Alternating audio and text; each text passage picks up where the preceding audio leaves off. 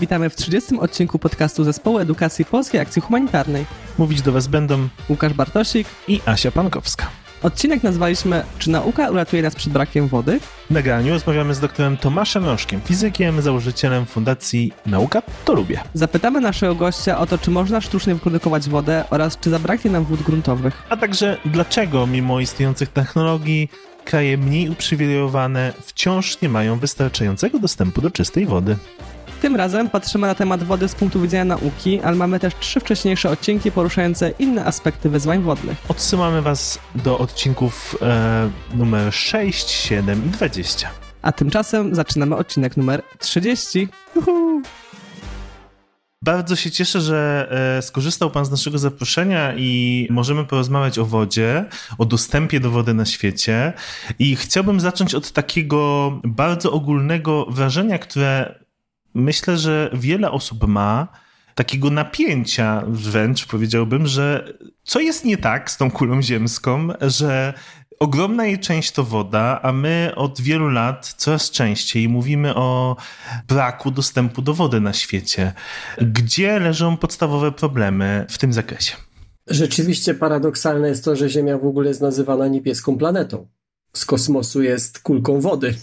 Jest więcej tej wody niż nie wody, ale e, woda wodzie nierówna. Zresztą jest mnóstwo memów na ten temat. Jak ktoś pyta o w zasadzie prostą sprawę, no to często odpowiedź z takiego naukowego punktu widzenia jest to nie jest takie proste, albo to jest wszystko bardziej złożone. No więc tutaj jest nieco bardziej złożone, ale nie aż tak bardzo. Znaczy, przeważająca, przeważająca większość wody na naszej planecie to jest woda słona. A wody słonej no, nie możemy pić, bo wtedy potrzebujemy jeszcze więcej wody po to, żeby wypłukać sól, więc y, jeżeli się napijemy jeszcze więcej tej słonej, no to potrzebujemy jeszcze więcej, żeby wypłukać sól i koło się mocno, mocno gdzieś tam y, zamyka i, i komplikuje. Kluczem nie jest ta woda, którą widać z kosmosu, bo, bo większość tej, której widać, to ona się nie nadaje do picia. No, ona owszem jest wodą, ale w zasadzie w niej jest rozpuszczone mnóstwo różnych związków, których no, nie powinno być, jeżeli woda ma być wodą pitną. Tylko nieliczne życie, no dobra, nieliczne to może przesada, ale tylko część życia potrafiło się dostosować, przystosować do życia w takiej wodzie. Jeżeli mówimy o ludziach, to my tego nie potrafimy. Potrafią to niektóre ryby, potrafią to niektóre rośliny, ale my tego nie potrafimy. W związku z tym, jeżeli mówimy o ludziach, jeżeli mówimy o życiu, ale o człowieku, to my potrzebujemy wody słodkiej. Pomiędzy wodą słoną a słodką nie ma przepaści. E, można oczywiście wodę słoną zamienić słodką, ale to wymaga energii.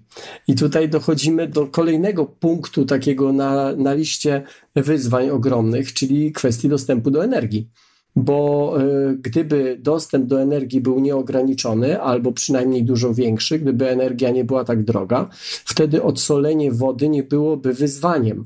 Ale wyzwaniem też nie byłoby wtedy oczyszczenie wody. Bo mówiąc o wodzie słonej, takiej w morzach, w oceanach, mówimy no, o pozbyciu się soli. Natomiast y, dużym wyzwaniem jest też to, że często mamy do dyspozycji wodę słodką, w tym sensie słodką, że nie słoną, taką morską, ale niestety zanieczyszczoną. Zanieczyszczoną przez procesy y, na przykład produkcyjne, przez procesy technologiczne, albo przez y, powiedzmy takie użytkowanie biologiczne, tak? Zanieczyszczoną przez bakterie, brudną, z, z rozpuszczoną mnóstwem rzeczy tam w środku. I znowu, większości z nich można by się pozbyć, gdybyśmy chcieli używać odpowiednich technologii, albo gdybyśmy mieli odpowiednią ilość energii. I często mamy, no, w krajach bogatych, takich jak Polska, woda jest czyszczona, tak? To znaczy, to nie jest tak, że wszystko to, co zużywamy, to, co zużywa przemysł, ląduje w rzece. Są jakieś przepisy, są jakieś normy. Nie twierdzę, że wszyscy się tego trzymają, o czym świadczy chociażby przykład e, Odry z zeszłego roku, ale twierdzę, że to, że e, widzimy to w Odrze, czy zauważyliśmy to w Odrze, paradoksalnie pokazuje, że po pierwsze jesteśmy na to coraz bardziej wrażliwi i tego świadomi, po drugie potrafimy to wykrywać, więc to nie jest tak, że, że coś się dzieje obok nas. My mamy tego świadomość. I w końcu po trzecie robi to na nas ogromne wrażenie w złym tego słowa znaczeniu, dlatego że generalnie takie rzeczy się nie dzieją i dziać nie powinny, bo mamy już technologie do, takie, żeby móc wodę oczyszczać. Wspomniał Pan o właśnie odsalaniu czy oczyszczaniu wody i też w tych dyskusjach o klimacie i zmianach czy też o kontekście na przykład krajów, które mają ograniczony dostęp do wody pitnej obecnie, pojawiają się co chwilę takie właśnie nowości, jakieś nowej technologii, jakichś nowinkach technicznych. No i moje pytanie jest, no pewnie też no, ciężko gdybać, ale mimo wszystko pokuszę się o takie gdybanie. Czy technologia może rozwiązać te problemy na taką skalę, jakie te wyzwania są? Czy to będzie znowu rozwiązanie tylko dla tych najbardziej uprzywilejowanych? Tak, okej, okay, no my w Europie na przykład jesteśmy w stanie oczyszczać część wody, albo pewnie najbogatsi będą w stanie sobie odsolić wodę w, nie wiem, na jakimś rejsie, tak? ale czy to są rozwiązania, które w ogóle można brać pod uwagę w kontekście wyzwań e, ogólnoświatowych? To jest trudne pytanie, bo to nie jest sytuacja, w której nie mamy technologii albo mamy jakąś raczkującą technologię i się zastanawiamy, kiedy ona zafunkcjonuje szerzej. To jest sytuacja, w której te technologie są znane od wielu, wielu lat. Natomiast one kosztują. One kosztują na przykład wydatek energetyczny. I teraz odsalanie wody nie jest czymś skomplikowanym. Natomiast po to, żeby to zrobić, trzeba mieć energię. I to całkiem sporo energii, jeżeli popatrzymy na to, ile wody chcemy zużywać. Może chcemy się kąpać w niej, mm, na pewno chcemy gotować, ale jeżeli chcemy się kąpać codziennie, jeżeli chcemy tak y, y, no, rozrzutnie na przykład podlewać swoje trawniki, oczywiście możemy to zrobić, tak? Znaczy na pustyni e, w Dubaju jest e, stok narciarski.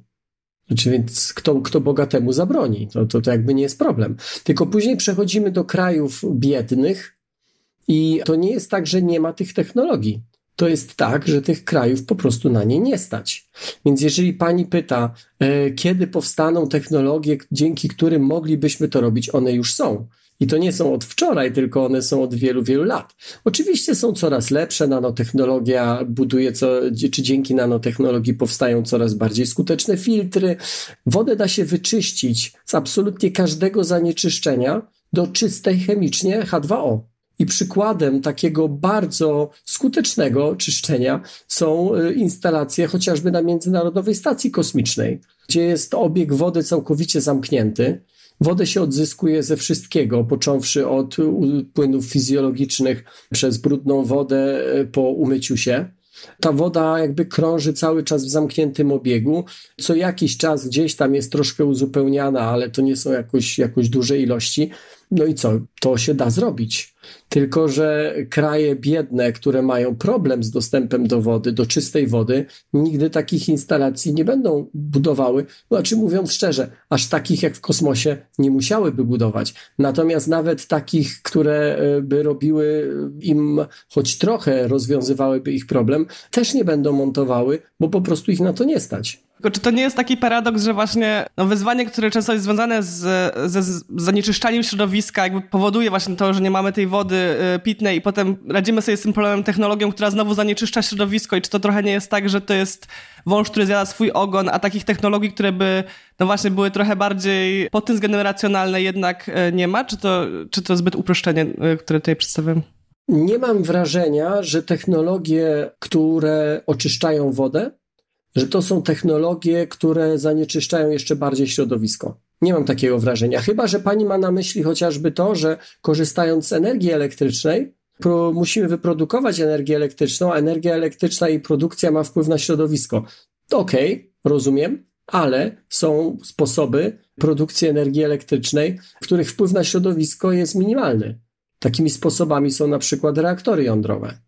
Natomiast kraj, który ma problem z dostępem do rzeczy tak podstawowej jak y, czysta woda, nie wybuduje reaktora jądrowego, więc nawet jeżeli będzie chciał taką instalację wybudować, to po pierwsze trudno mi sobie w ogóle wyobrazić budowę takiej instalacji dla skali całego kraju, ale nawet gdyby jakoś to spróbował, no to skądś musiałby mieć energię. I zapewne, skoro jest biedny, to raczej by stawiał na e, energię najtańszą w budowie, czyli pewnie z paliw kopalnych. To wtedy tak. Jeszcze tylko jedno pytanie pociągnę tutaj, no to nie tylko energia, ale też minerały. Znaczy, jeżeli mamy technologię, to raczej mamy jakieś minerały, których wydobycie też wiąże się z zanieczyszczaniem środowiska i też często właśnie degradacją środowiska w miejscach mniej uprzywilejowanych. I to też wydaje, wydaje mi się, że jest dużą częścią tej, te, tego równania. Nie jestem inżynierem, nie jestem e, e, chemikiem, biotechnologiem. Trudno mi jest e, w tym momencie z pamięci jakby recytować, jak konkretnie wyglądają bardzo zaawansowane filtry i czego one tam rzeczywiście potrzebują. Natomiast ja mówiąc o odsalaniu wody, mówię o dość prostej instalacji, w której woda jest po prostu podgrzewana po to, żeby parowała, a jak paruje, to wtedy paruje już bez soli. To nie jest coś, co wymaga jakiejś wielkiej technologii i dostępu do jakichś rzadkich minerałów. Natomiast z całą pewnością wymaga dostępu do energii.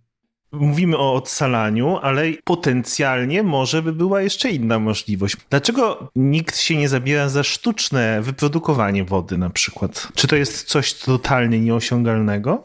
Nie, to jest osiągalne, tylko to jest mm, jeszcze trudniejsze energetycznie niż odsolenie, e, dlatego że produkcja wody, na przykład z wodoru i z tlenu, to jest mniej więcej tak, jakbyśmy próbowali z popiołu takiego ogniskowego wyprodukować drzewo.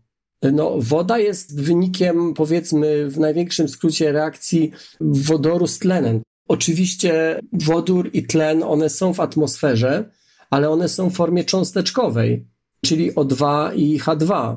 Więc po to, żeby wyprodukować wodę, by je trzeba było zaciągnąć, by je trzeba było chemicznie jakoś rozbroić, to wymaga dosyć dużych ilości energii. Oczywiście da się to zrobić e, w samochodzie elektrycznym, e, w samochodzie, przepraszam, wodorowym, czyli w sumie elektrycznym, ale wodorowym, gdzie źródłem energii jest wodór, a nie, a nie akumulator, no tam do takiej reakcji dochodzi. Więc e, mamy, mamy jakieś urządzenie takie, które łączy wodór z tlenem w sposób odpowiedni, tak żeby wszystko nie wyleciało w powietrze. I rzeczywiście otrzymujemy energię i otrzymujemy wodę. Samochód elektryczny, ta woda mu z rury wydechowej kapie, no bo ona jest odpadem. Ale teraz jak z odpadu wyprodukować, czy odpad, po, po to, żeby odpad wyprodukować, no a woda w tym momencie jest takim trochę odpadem, to trzeba trochę energii do tego, żeby najpierw mieć ten wodór. A wodór taki atomowy, on nie występuje w naszym otoczeniu. Więc najpierw musielibyśmy go stworzyć. Znaczy stworzyć, no wyprodukować. Wyprodukować wodór możemy na dwa sposoby. Jeden sposób to jest taki, że po prostu wydobywamy paliwa kopalne, i z paliw kopalnych wyciągamy ten wodór z węglowodorów, tak? czyli z długich łańcuchów węgli, które mają wodory na bokach. No ale wtedy emitujemy dwutlenek węgla. To nie o to chyba nam chodzi i wtedy wydobywamy z ziemi gaz albo ropę. Ale chyba nie o to nam chodzi. To jest jeden sposób produkcji wodoru. Drugi sposób produkcji wodoru bierzemy wodę i pod wpływem energii rozbijamy ją na wodór i na tlen. No ale jeżeli sobie wyobrazimy, że tak, bierzemy wodę po to, żeby wyprodukować wodór, no bo nie chcemy go produkować z paliw kopalnych, no to nie po to produkujemy wodór z wody, żeby za chwilę go łączyć, żeby powstawała woda. To ma sens tylko i wyłącznie wtedy, kiedy nie chcemy produkować wody w całym procesie, tylko chcemy w wodorze zmagazynować energię. I jest w tym jakiś pomysł, i to się nawet jakoś tam na papierze spina, że jeżeli mielibyśmy takie instalacje, one powstają nawet w sposób jakiś tam, bym powiedział, eksperymentalny, na pewno nie jeszcze taki komercyjny, taki komercyjny w tym rozumieniu, że każdy może to sobie kupić w sklepie. Instalacje właśnie takie produkujące wodór jako magazyn energii. Innymi słowy, mam na przykład tutaj na dachu mojego domu panele fotowoltaiczne. Tyle tylko, że często jak świeci bardzo słońce, to ja w ogóle nie potrzebuję prądu. A wtedy, kiedy go potrzebuję, to nie świeci słońce. I oczywiście teraz w idealnej sytuacji, w idealnych warunkach powinno być tak, że system energetyczny, on jakoś się tam bilansuje, on jest, e, jak gdyby nim zarządza, e, ją jakieś tam inteligentne algorytmy, które tym prądem dowodzą w jedną, w drugą stronę. W systemie powinny być jeszcze takie elektrownie gazowe, bo tylko takie się do tego nadają, które można szybko włączyć i wyłączyć dosłownie jednym klikiem. E, wtedy, kiedy jest niedobór, się je włącza, kiedy jest nadmiar, się wyłącza i tak dalej, i tak dalej, ale to wszystko ma ograniczone możliwości. Chyba, że przy moich panelach by stało urządzenie wielkości na przykład, nie wiem, lodówki, które to urządzenie pobierałoby prąd wtedy, kiedy go mam za dużo i na miejscu by zamieniało go, magazynowałoby energię w wodór. brałoby wodę i dzięki tej energii nadmiarowej rozbijałoby wodę na tlen i na wodór. Tlen mogłoby wypuścić do atmosfery, nic by się nie stało, a wodór by magazynowało w jakimś kanistrze, nie wiem, w jakimś, jakimś bunkrze, no bo to nie jest tak prosto, żeby ten wodór utrzymać. Po czym wieczorem słońce zachodzi, ja potrzebuję energii i nie jest uruchamiany cały system energetyczny, tylko ja lokalnie to samo urządzenie zaczyna działać w drugą stronę. Zasysa ten wodór, który zmagazynowało, zaciąga tlen z atmosfery i produkuje wodę, a w zasadzie produkuje prąd, a ta woda jest odpadem i może mi ją wypuszczać na ogródek, dzięki temu będę miał ładniejszą trawę. I to w teorii jest możliwe, ale w, tej, w tym systemie nie chodzi o produkcję wody wtedy. Tylko chodzi o to, ta woda tam jest odpadem. Tylko chodzi o to, żeby, żeby produkować prąd. Więc wyprodukowanie wody jest czymś, co, no właśnie, to jest trochę tak, jakby brać odpad i spróbować z tego odpadu wybudować coś, co było wcześniej przed odpadem. O. No dobrze, to poddaje się w tej kwestii, nie będziemy produkować ale, sztucznie wody. Ale tutaj jest, bo, bo, bo tu w tej całej historii yy, niepotrzebnie komplikujemy, wydaje mi się, w tym wszystkim. Bo tak naprawdę to tutaj nie chodzi o to, żeby skądś wziąć tą wodę. Tutaj najbardziej chodzi o to, czy zwykle chodzi o to, żeby uszanować tą wodę, którą się już ma. I żeby nie pozwalać na to, żeby woda, której używamy, żeby ona była jednorazową. A niestety bardzo często tak mamy. Bardzo często wodę używamy raz. Bardzo często wodę bardzo wysokiej jakości używamy do rzeczy, które spokojnie mogłyby mieć wodę dużo niższej jakości. Mam na przykład na myśli podlewanie, czy w ogóle rolnictwo, które zużywa ogromne ilości wody. Tutaj oczywiście te technologie, one mogą pomóc, ale technologie nie tyle pozyskiwania wody, czy czyszczenia wody, tylko technologie uprawy, tak żeby woda była w systemie zamkniętym. I znowu te technologie, one istnieją, znaczy e, farmy wertykalne, w których całość, cała produkcja, że tak powiem, roślin jest zamknięta i woda ma obieg zamknięty, one istnieją i to nie jest coś mega nowego, tak? One, one są w Holandii, ja taką widziałem w Dubaju, tyle tylko, że kraje, które są biedne, sobie na nie nie mogą pozwolić, bo to są technologie, które może nie są jakoś kosmicznie drogie, ale to nie jest coś, co każdy może sobie postawić po prostu na ogródku.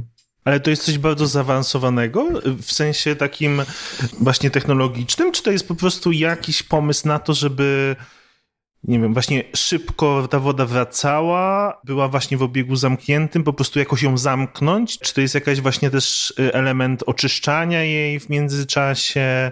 Na czym one de facto polegają najczęściej? Farmy wertykalne to trochę zależy, jak bardzo tam chcemy wejść, powiedzmy, z technologią, bo w skrajnym wypadku one są, powiedzmy, szczelnie zamkniętymi e, e, przestrzeniami, w których jest pełna kontrola nie tylko nad ilością wody, ale także nad e, długością fali świetlnej, którą rośliny są oświetlane, a także nad składem atmosfery, w zależności od tego, jakimi falami czy jakiej długości falami oświetlamy rośliny, to je możemy mobilizować na przykład do szybszego owocowania albo do, albo do szybszego dojrzewania. E, rośliny szybciej też rosną w zależności od gatunku. Też troszeczkę możemy tutaj e, kręcić e, z składem gazów atmosferycznych, to znaczy stężeniami, powiedzmy mieszanki, w której ta roślina rośnie. I jeżeli chcielibyśmy wybudować farmę wertykalną, w której panujemy w całości nad każdym z tych punktów, czy nad, każdym, nad każdą z tych zmiennych, to wtedy tak, no to, to nie są tanie rzeczy, to, to, to, to jest dość skomplikowane. Natomiast oczywiście no nie trzeba nad wszystkim, tak? Można wybudować farmę wertykalną, w której no nie będziemy mieli pełnej kontroli, czy w ogóle nie będziemy mieli kontroli na przykład nad atmosferą. Możemy też wybudować farmę wertykalną, w której nie będziemy mieli pełnej kontroli nad długością fali. Po prostu będziemy te rośliny oświetlali takim światłem, jakim e, świeci słońce. Natomiast e, pojawia się problem temperatury, bo idea farmy wertykalnej polega, czy jedna z idei jest taka, tego zamkniętego obiegu wody, żeby rzeczywiście to było szczelne, po to, żeby parująca woda była przechwytywana, skraplana i z powrotem kierowana do korzeni. czy jakby do podlewania, tak to nazwijmy. I w tym momencie, jeżeli w kraju tropikalnym, no a wody brakuje raczej w krajach tropikalnych, a nie w krajach e, e, arktycznych, więc jeżeli w takim kraju wystawimy budynek, e, w którym e, rosną rośliny, z dachem, który jest ze szkła, no bo przecież nie chcemy tam e, mieć zaawansowanej technologii LEDowej, tylko żeby słońce świeciło, no to tam za chwilkę się robi tak wysoka temperatura, że te rośliny nie będą rosły. Więc jakaś tam technologia schładzania, kontroli temperatury musi być. Więc to nie są technologie kosmicznie drogie. To oczywiście w takiej wersji eksperymentalnej to oczywiście można to postawić, tak, ale jeżeli mówimy o rozwiązaniu problemów w skali kraju albo chociażby regionu, to e, przejście rolnictwa z takiego tradycyjnego na takie wertykalne w biednym kraju jest w ogóle niewykonalne. Znaczy, to w ogóle nie jest trudno sobie to wyobrazić. Powiedział pan, że ten problem wody jest raczej w krajach tropikalnych, a nie tych zimniejszych. No a z drugiej strony słyszymy, że jednak Polska jest krajem o niskich, e, albo przynajmniej nie najwyższych zasobach wodnych e, w swojej szerokości geograficznej i że to jednak nie jest też tak u nas super z tym. To z czego to w takim razie wynika, że no nie jesteśmy krajem tropikalnym, a, a wcale te zasoby wodne nie są na najwyższym poziomie? Mówiąc o problemach wodnych, nie mam na myśli obiektywnie problemów wodnych czy z wodą, tylko mam na myśli to, że jeżeli mówimy o radzeniu sobie, to nie radzą sobie głównie kraje południowe.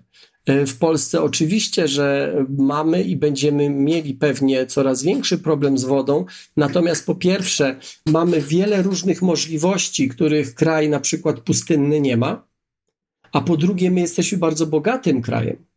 Ja wiem, że powiedzenie w Polsce, że jesteśmy bogatym krajem, e, może budzić mocne zdziwienie, ale uwierzcie mi Państwo, no, dziennikarsko dosyć często bywam w różnych dziwnych miejscach i e, jesteśmy naprawdę krajem bardzo bogatym, patrząc na średnią światową, więc my oczywiście sobie poradzimy z tym. Koszty będą wysokie, ale to nie będzie tak, że po prostu będzie racjonowana woda w kranie. Poza tym, tak jak mówię, my mamy wiele różnych możliwości, których wciąż nie wykorzystujemy. Więcej, no, popełniamy cały czas te błędy, o których wszyscy wiedzą, że są błędami. W miejscowości, w mieście, dosłownie kilka kilometrów od miejsca, w którym siedzę, w Gliwicach, właśnie oddano do dyspozycji e, nowy, duży plac po dużym remoncie i on jest w całości wybetonowany a mogłoby się wydawać, że jesteśmy już w takim momencie, w którym, jakby to powiedzieć, każdy wie, że tak się nie powinno robić. Tam są jakieś maleńkie drzewka nasadzone, które może będą duże, jak ja tam będę z wnukami przychodził na spacer, a może nie dożyją, trudno mi powiedzieć. Natomiast y, zadziwiło mnie to, bo zakładałem, że po tym remoncie tam będzie zielono. Także to są także tego typu rzeczy. W Polsce ilość wody, która spada na nasze głowy w postaci deszczu czy śniegu, ona niespecjalnie się zmienia od kilkudziesięciu lat. Ta ilość jest z grubsza taka sama. Zmieniła się struktura opadów. Czyli opady, które kiedyś były opadami średnimi, niewielkimi, ale długotrwałymi, teraz podobna ta sama ilość wody spada szybko w tak zwanych deszczach nawalnych. I to jest ogromna różnica, bo po betonowej, po asfaltowej powierzchni ta woda bardzo szybko spływa do studzienek kanalizacyjnych, jest gdzieś tam kierowana, powiedzmy, za miasto, albo nawet jeżeli, jeżeli to nie jest miasto, tylko jakaś miejscowość do jakiejś rzeczki, ta rzeczka szybko wylewa, bo nie jest jej koryto wystarczająco szerokie, żeby tak dużą ilość wody e, pochłonąć, czy jak gdyby przyjąć. Szybko wylewa, po czym jak e, deszcz się skończy, ta nawała spłynie, to w tym samym miejscu może być susza bo to wszystko tak szybko trwa, że grunt nie jest w stanie tej wody jak gdyby przyjąć, wsiąknąć, tak? To, ta, ta gąbka, ona nie wsiąka tak bardzo szybko, ona potrzebuje czasu,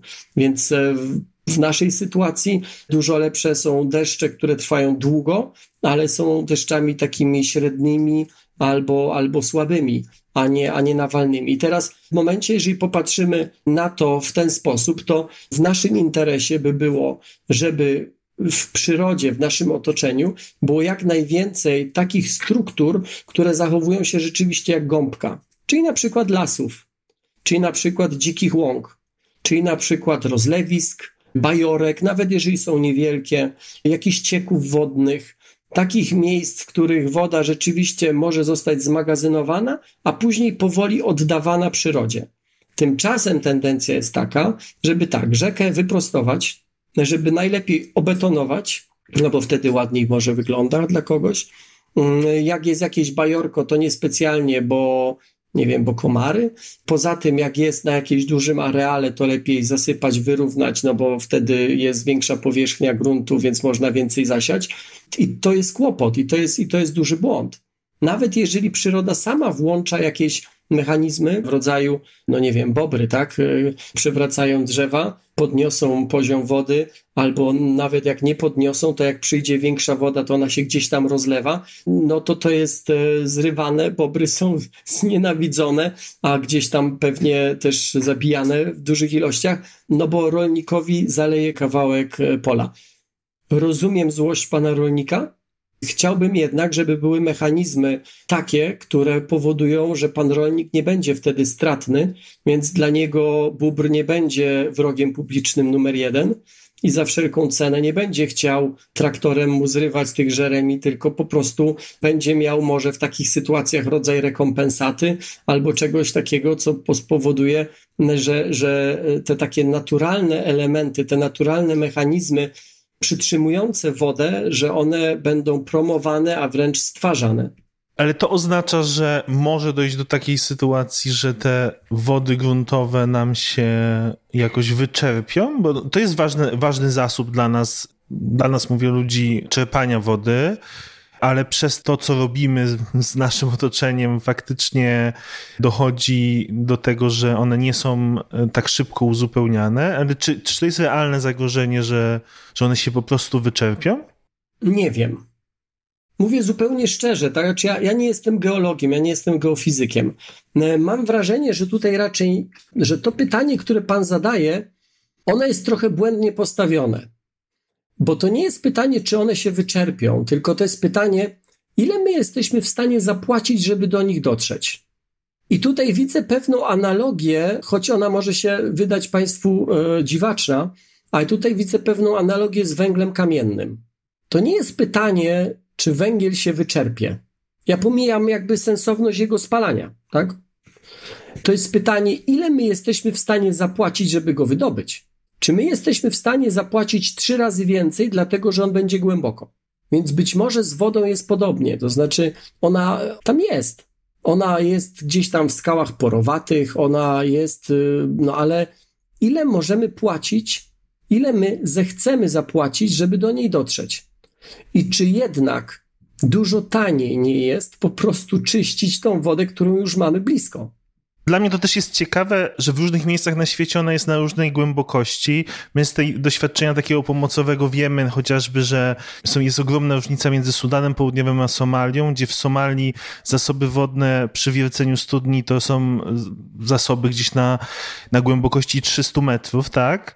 W Sudanie Południowym to pewnie będzie kilkadziesiąt i faktycznie jest tak, że, że są niektóre miejsca już w tej chwili, w których to jest niezwykle kosztowne, żeby wywiercić studnie, i wydobyć tą wodę, bo jest bardzo głęboko. A wie pan, co w tym wątku jest bardzo ciekawe? Myślę, że Państwo nie planowali rozmowy na ten temat, ale w tym wątku bardzo ciekawe jest to, że w odkrywaniu zasobów wodnych na różnych głębokościach kluczowe znaczenie mają technologie satelitarne bo to bardzo często, także w kontekście wody, myślę, że nie trzeba mieć jakoś rozbudowanej wyobraźni, żeby, e, żeby zrozumieć, e, że bardzo często, jak opowiadam o technologiach kosmicznych, pada pytanie takie: no dobra, po co my badamy tego Marsa? Czy my nie mamy na Ziemi wystarczająco dużo problemów? Po co wydajemy pieniądze 100, 200, 300, 500 milionów dolarów na jakąś misję? A tu ludzie nie mają co pić.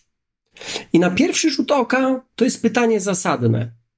Znaczy inaczej powiem, to pytanie jest zasadne. I ja bardzo chętnie na nie odpowiadam, ponieważ bardzo dobrze tutaj widać pewien skrót myślowy, jaki u osoby pytającej powstał. Bo ja wtedy po pierwsze zadaję pytanie w drugą stronę, a skąd pomysł, że rozwiążemy którykolwiek z problemów, w tym problem wodny, w momencie, jeżeli przestaniemy inwestować w naukę i w technologię? To jest pytanie moje pierwsze. I pytanie, a w zasadzie nie pytanie, tylko opowieść druga.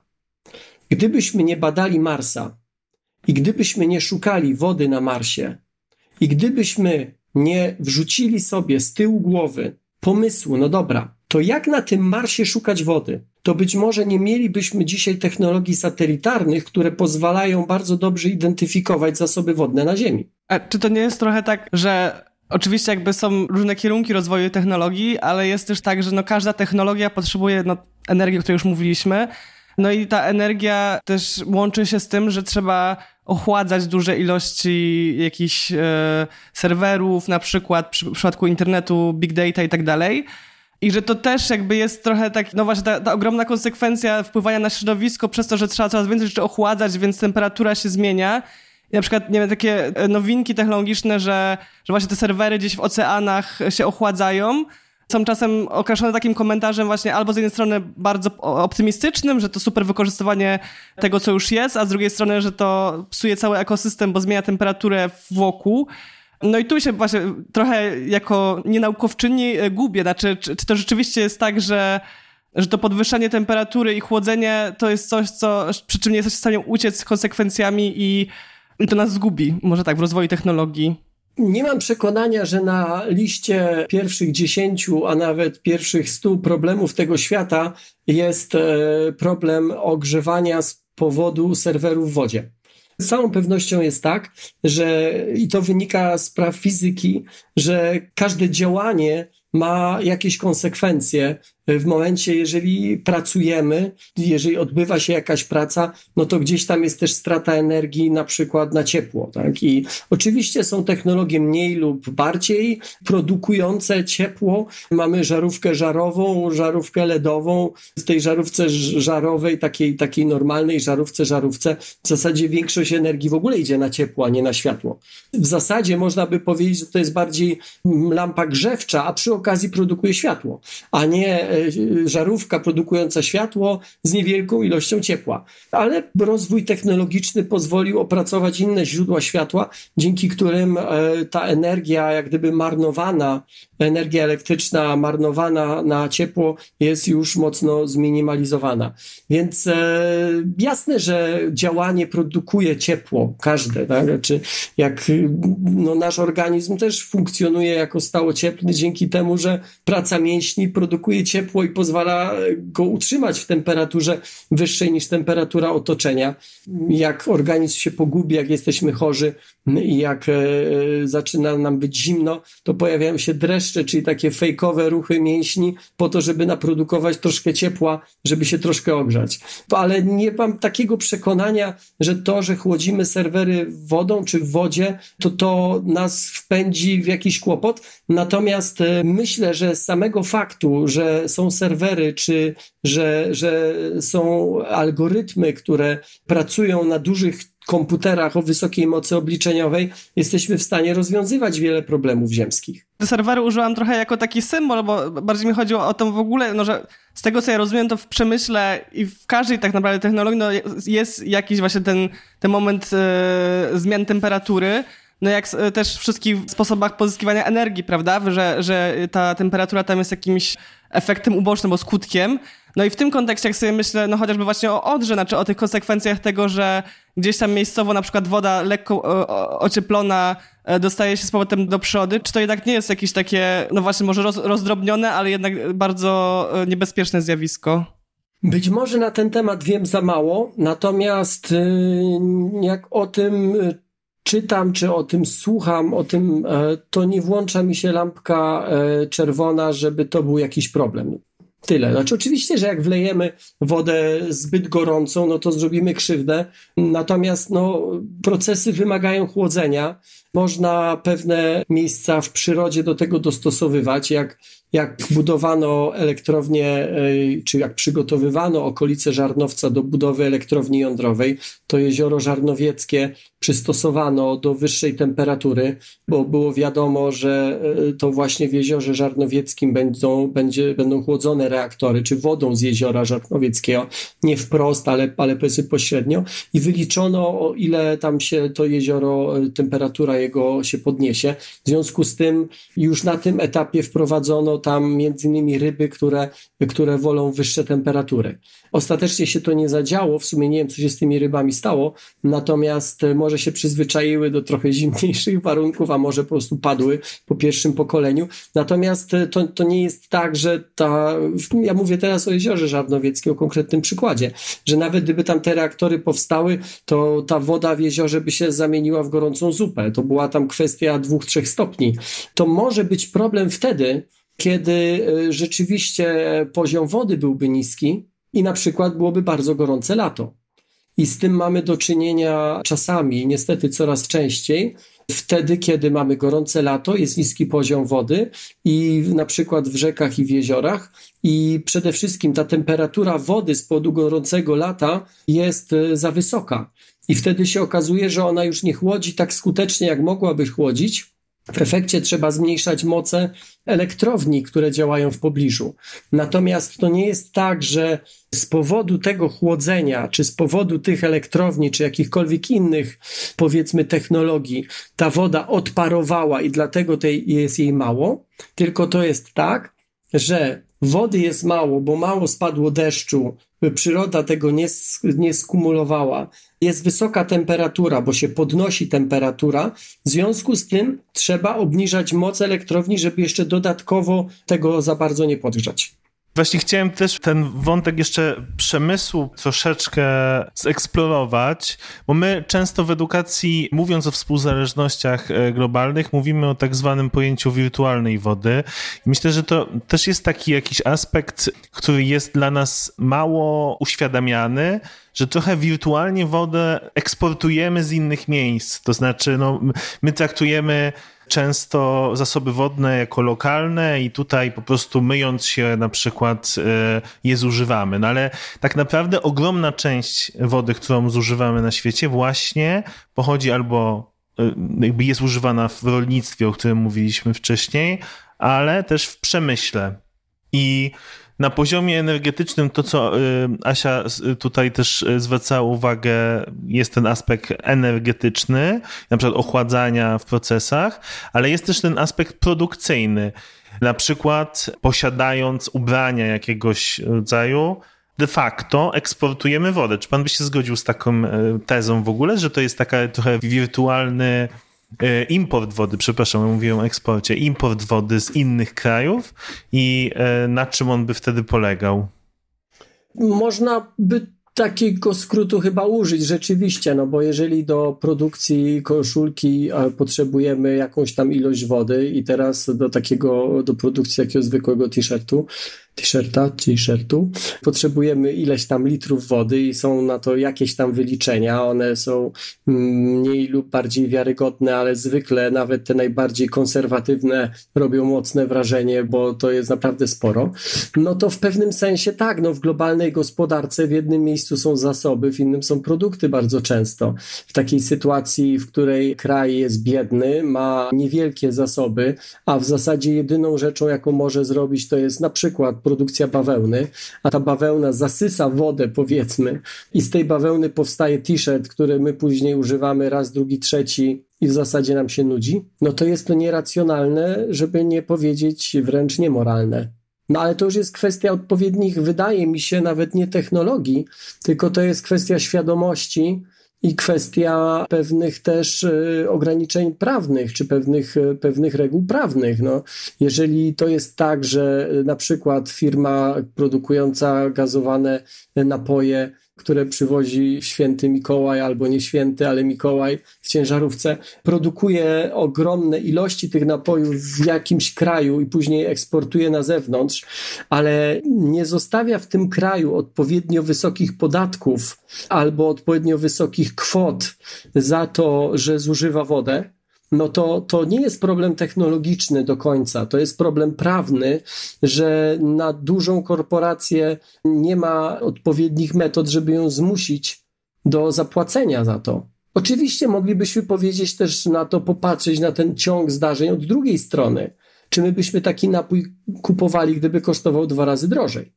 Albo inaczej, czy jeżeli mamy y, w sklepie koszulkę, która kosztuje 50 zł, a obok koszulkę, która kosztuje 100 zł, ale ta druga jest powiedzmy w skrócie, bardzo w skrócie mówię, uczciwie opłaciła wszystko, co miała opłacić i cały wpływ na środowisko, albo jest po prostu wykonana lokalnie, no to którą kupimy? Nie w deklaracji. Deklaracja jest tania, tak? To, to każdy może zdeklarować dowolną rzecz.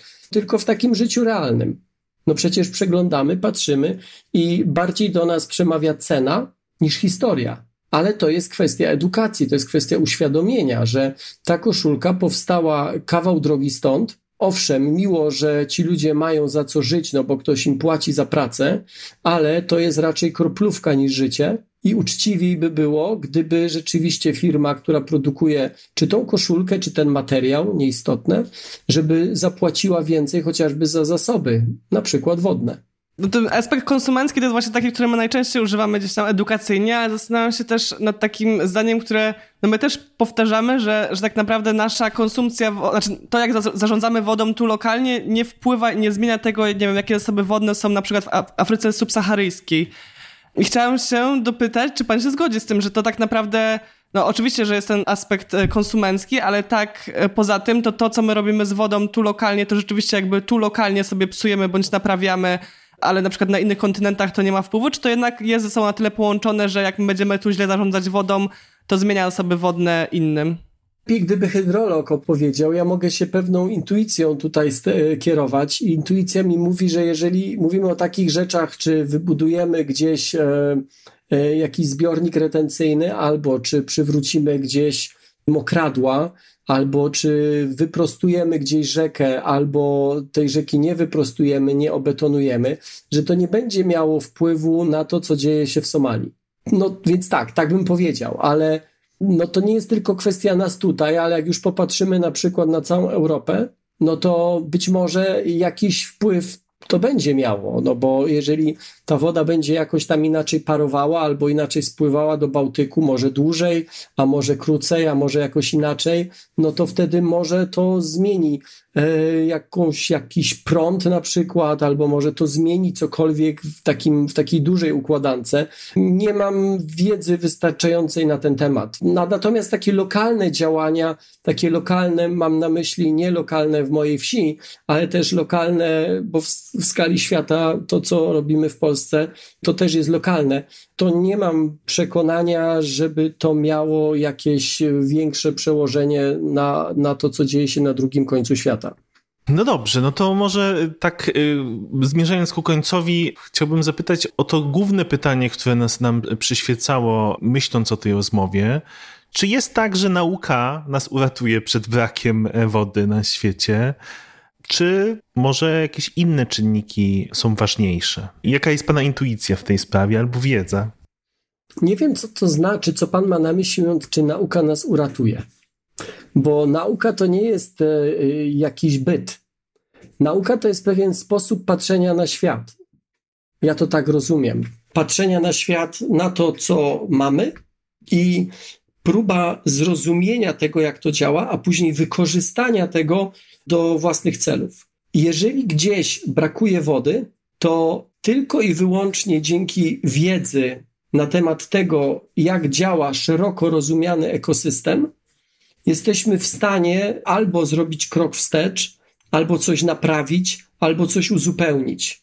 Jeżeli nie rozumiemy tego, jak coś działa, to nie jesteśmy w stanie tego naprawić. To jest jak gdyby taka pierwsza, zupełna, zu, zupełnie ogólna odpowiedź. Pan też mówi o braku wody. Znaczy, ja bym raczej mówił o braku czystej wody, bo wody nam nie brakuje. Znaczy, w tym sensie, że tak jak na stacji kosmicznej mamy zamknięty obieg wody. On jest dużo bardziej skomplikowany, ale wciąż on jest zamkniętym obiegiem. Tyle tylko, że ten cały mechanizm funkcjonowania, czyszczenia, on jest dosyć skutecznie zaburzany przez nas. Przez e, wycinkę lasów, przez e, chociażby betonowanie, przez wyrównywanie rzek, przez, przez wiele, wiele różnych naszych działań. Więc to jest trochę sytuacja, w której jakiś system jest, jakiś system działa, my go nieco popsujemy, a później się dziwimy, dziwimy że na końcu ta woda to wcale nie jest aż taka czysta, jak mogłaby być. No nie jest. Nie dlatego, że system nie działa, tylko dlatego, że myśmy go po drodze popsuli. Można pewne rzeczy naprawić, można pewne rzeczy przywrócić. Nie zadziała to tak, że od razu się problem rozwiąże. To jest wszystko bardziej złożone i skomplikowane, bo w tym wszystkim jeszcze bierze udział mnóstwo innych czynników, takich jak chociażby kwestie klimatu, czyli bo związane z tym kwestie temperatury.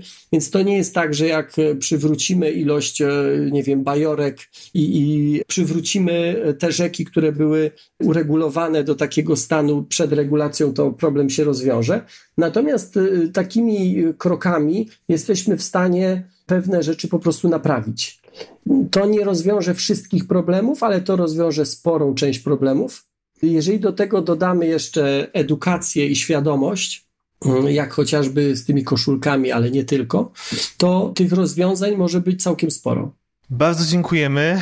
Dobrze, że to ostatnie zdanie brzmi, tych rozwiązań może być całkiem sporo, więc e, z, z lekką e, nutką optymizmu się e, Jest rozstajemy. sporo. Ja panu powiem, co trzeba zrobić, żebyśmy chcieli je stosować. Trzeba o nich mówić.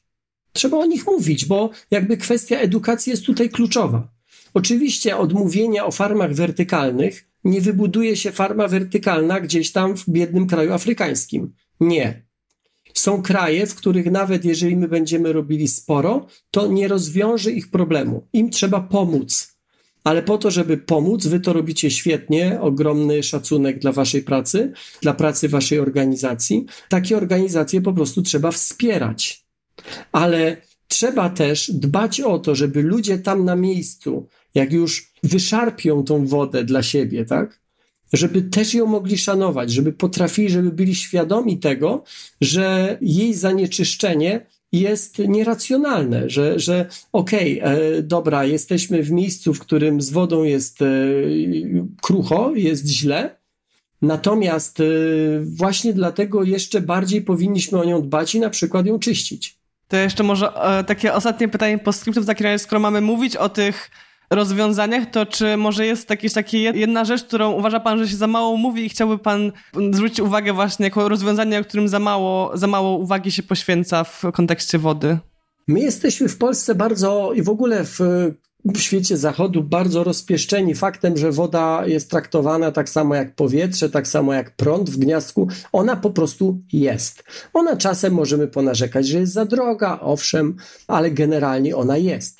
W momencie, jak gdzieś dojdzie do awarii i tej wody nie ma, na przykład przez godzinę, przez dwie albo przez trzy, to nagle niemalże to traktujemy, jakby jakaś katastrofa po prostu nuklearna się wydarzyła.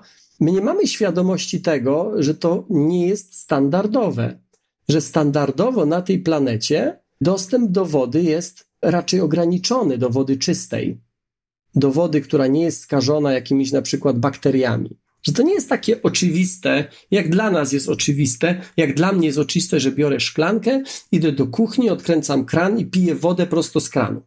Albo nawet jeżeli mam jakiś ten, po prostu biorę czajnik, nie wiem, przegotuję tą wodę i ją mam.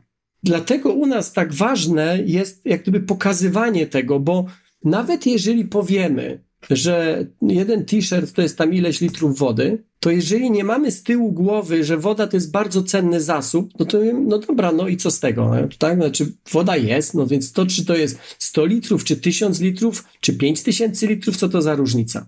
No jest to różnica, bo ta woda, a jeżeli wróci do środowiska, to wróci zanieczyszczona i ona w pewnym sensie jest już wodą straconą. Odzyskanie jej będzie kosztowało i energię, i pieniądze. I opowiadanie w szerszym takim kontekście, jakie łączenie tych kropek, moim zdaniem ma głęboki, głęboki sens. Ja się to staram robić na, w, w nauka to lubię, właśnie pokazywać te przyczyny, te skutki, te związki, bo jeżeli opowiemy tylko i wyłącznie o jakimś tam, no właśnie, t-shirt, ile tam t-shirt miał? 2700 e, litrów około. Okej, okay, 2700 litrów. No i tak, tak sobie myślę dla kogoś, kto mówi, no dobra, no i co z tego? Czy 2700 po pierwsze, ile to jest? Po drugie, no co to za różnica, skoro woda jest?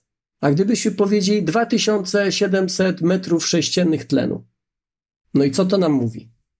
Przecież tlen jest, tak? Jest, no oddycham nim. Nie, nie czuję jego braku. Więc jeżeli tylko tą informację podamy, to to jest za mało. Ale jeżeli ją pokażemy w kontekście kraju, gdzie człowiek do dyspozycji ma e, na dobę jeden litr albo dwa litry wody, albo nawet niech ma 10 litrów wody i musi w tym ugotować, umyć się, e, wyprać, a jak nie wypierze i się nie umyje, to za chwilę zachoruje z powodów jakichś infekcji, czy powiedzmy jakichś innych chorób wywołanych brakiem higieny i tak dalej, i tak dalej, to nagle się okazuje, że taki t-shirt to jest cała rodzina na cały rok. I w tym momencie to już wygląda zupełnie inaczej. I wtedy stojąc przed tą półką, mając do dyspozycji t-shirt za 40 zł i t-shirt za 120 zł, ja zacznę myśleć zupełnie inaczej o tym. I nie będę się cieszył, że kupiłem ten tańszy na zasadzie oszukałem system, tak? A udało mi się, będę miał tańszy. Tylko na zasadzie kogoś tu rzeczywiście oszukałem.